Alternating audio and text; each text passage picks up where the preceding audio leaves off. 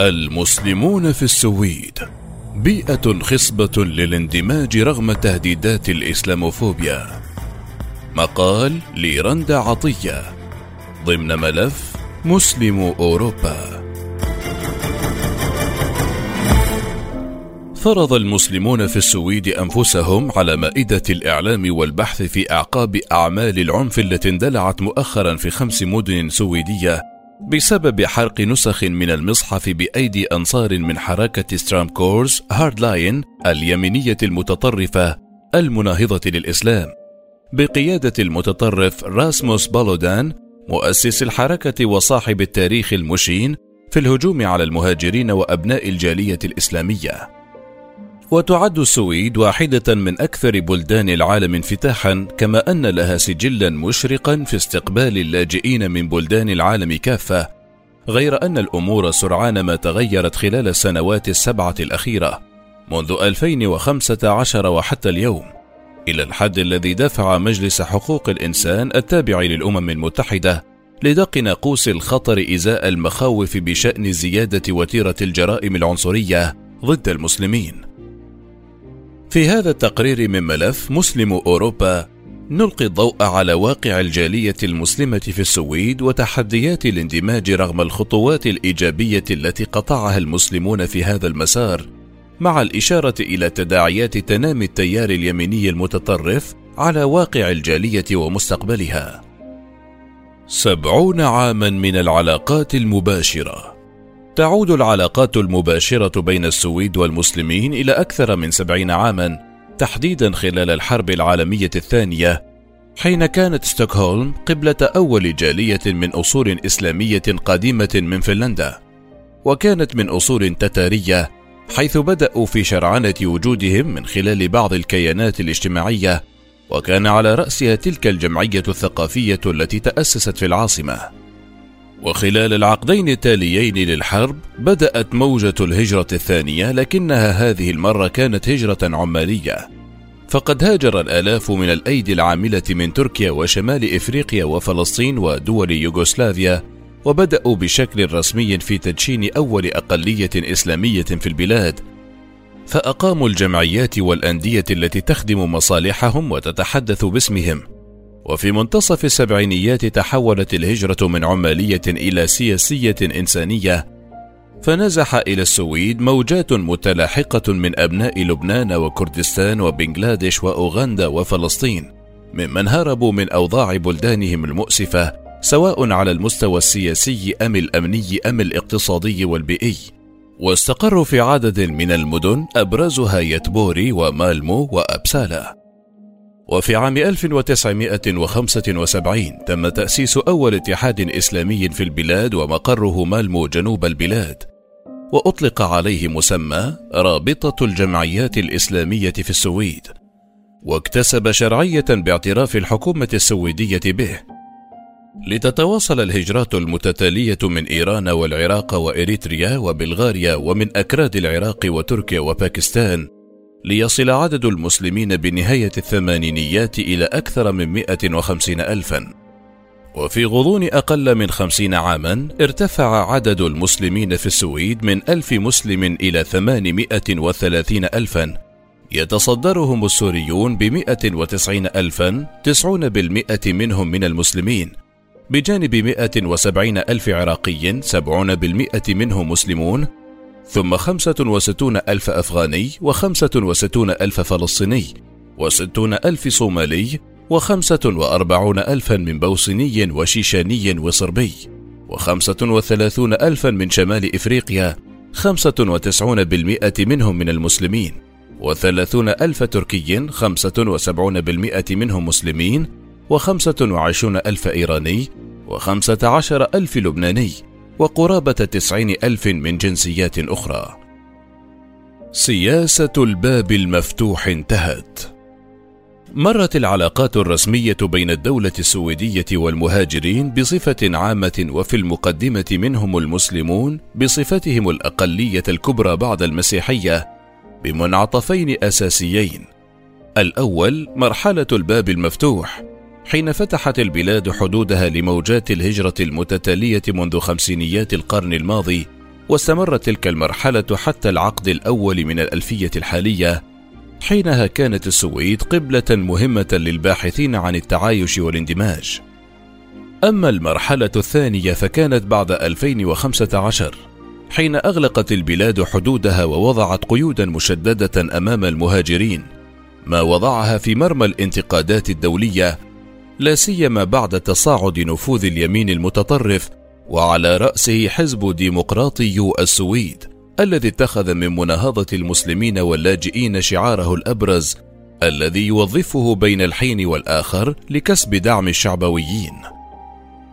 التحول من الانفتاح للانغلاق أمام المهاجرين عموما جاء نتيجة ضغوط قوية مورست على الحكومة السويدية بعضها اجتماعي والآخر أمني وسياسي وكانت الاستخبارات السويدية قد حذرت من تنامي التطرف بين صفوف المهاجرين فكشفت عن زيادة أعداد المتطرفين بنسبة ألف بالمئة في أقل من عقد. وأن أكثر من 300 شخص من السويد التحقوا بتنظيم الدولة داعش خلال السنوات الماضية رغم انسحاب 140 منهم من التنظيم لاحقا. رئيس جهاز الاستخبارات أندريس ثرومبرغ علق على تلك الإحصائية بأنه رغم عدد المتطرفين القليل وقدرتهم المتواضعة على تنفيذ هجمات ضد أهداف سويدية لا بد من متابعتهم عن قرب ومراقبتهم لافتا أن ذلك أمر ضروري قبل أن يفاجأ الجميع بعمل عنيف. أما فيما يتعلق بالمسلمين تحديدا فقدمت كلية الأمن السويدية تقريرا خاصا للهيئة المدنية في البلاد عن خريطة انتشار المسلمين وتمددهم الديمغرافي كاشفة أنه في أقل من عشر سنوات تضاعف عدد المسلمين بمقدار عشرة أضعاف محذرا من أن الخطاب الدعوي الموجه من دعاة المسلمين في السويد يحمل في طياته دعوات جهادية وخلص التقرير إلى أن انتشار الإسلام أصبح يشكل خطرا على الديمغرافيا الوطنية مستقبلا.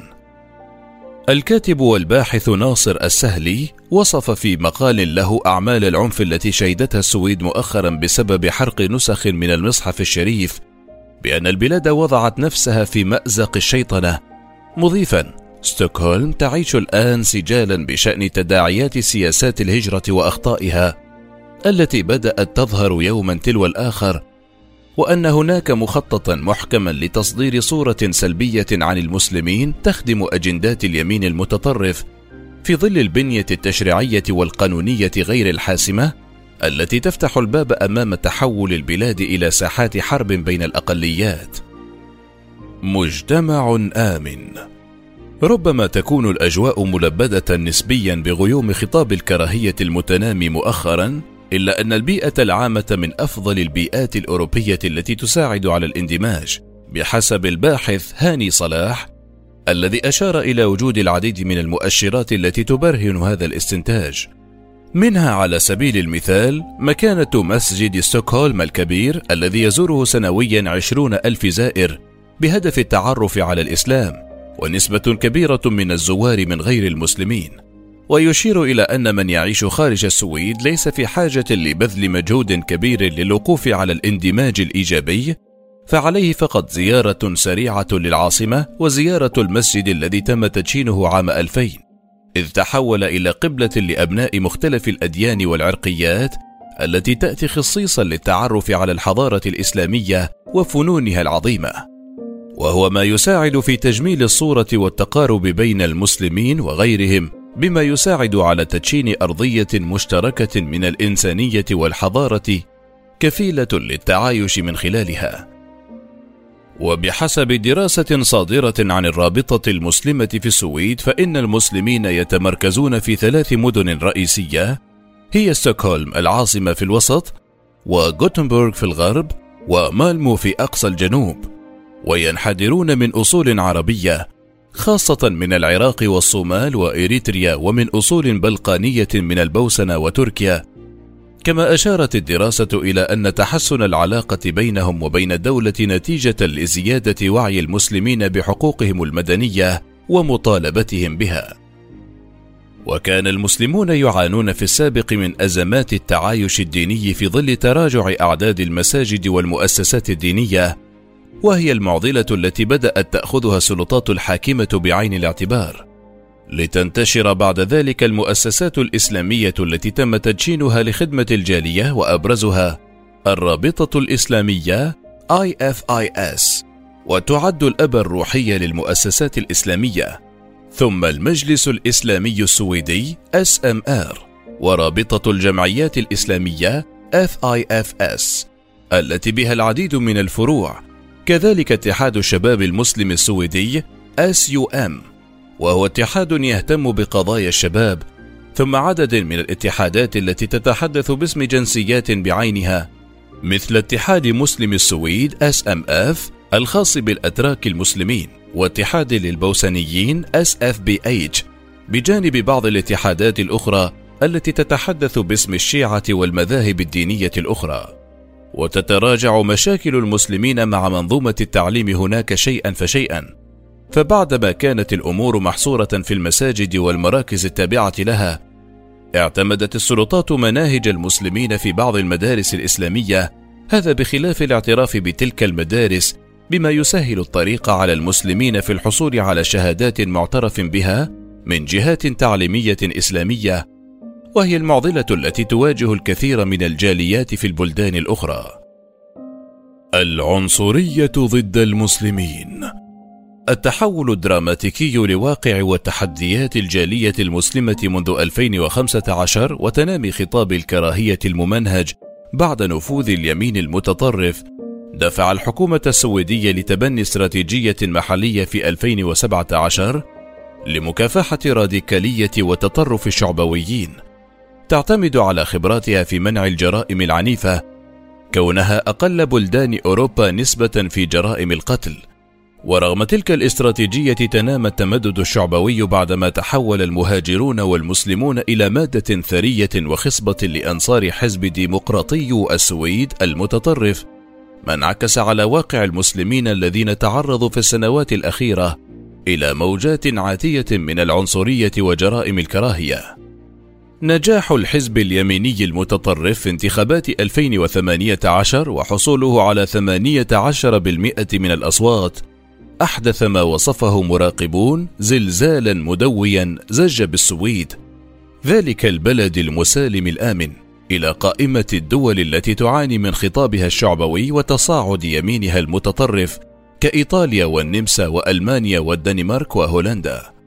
في تعليقه على خطاب الكراهية المتصاعد ضد الجالية المسلمة، قال الأكاديمي السويدي ماتياس جاردل أستاذ تاريخ الأديان في جامعة أوبسالا في تصريحات للتلفزيون السويدي الرسمي نقلها موقع ميدل إيست أونلاين إن العنصرية ضد المسلمين في بلاده أصبحت مألوفة بشكل اعتيادي يبعث على الدهشة، مضيفا: هناك هجمة عنصرية جديدة على المسلمين، نسمي هذا بالإسلاموفوبيا.